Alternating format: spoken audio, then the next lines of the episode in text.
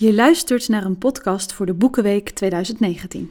De Groninger Vrouwengalerij. Maar dan in audio. We willen je wat vertellen over Teda Mansholt. Misschien ken je haar naam, omdat ook een middelbare school in Delfzijl zo heet. Maar om dat goed te doen, moet je eerst begrijpen uit wat voor gezin Teda komt. En meer specifiek, uh, je moet begrijpen wie haar vader was.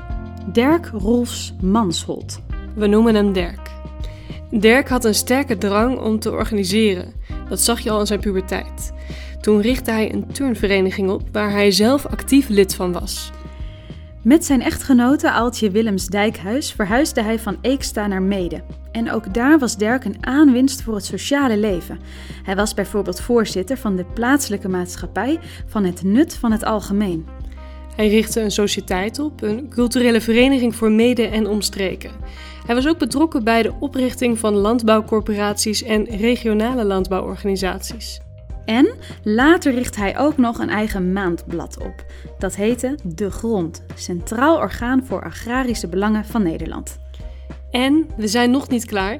Hij was ook nog gemeenteraadslid.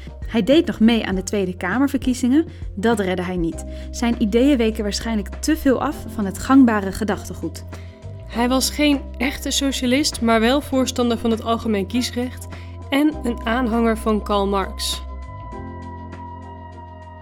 En daar, uit zo'n gezin, met zo'n vader, daar komt Teda Mansholt dus vandaan. Teda Mansholt was de enige boerendochter in het gezin. Haar oudere zus stierf voor haar geboorte.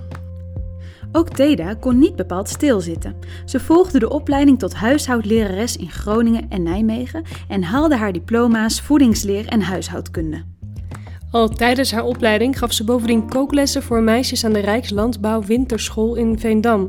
Dat was een van de eerste opleidingen voor plattelandsmeisjes.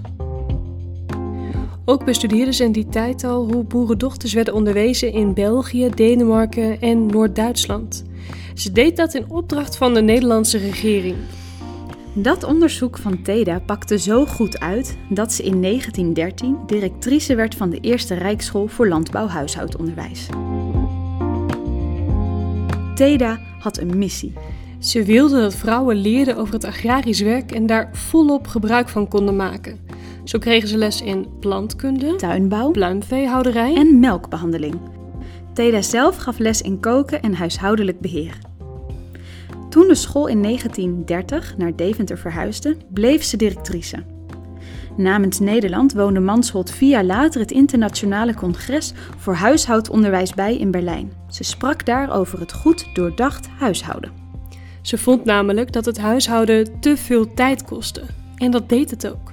Vooral met zulke grote huizen als waarin Teda opgroeide. Maar dat terzijde. Maar stel je voor hoeveel tijd het kost om te wassen zonder wasmachine.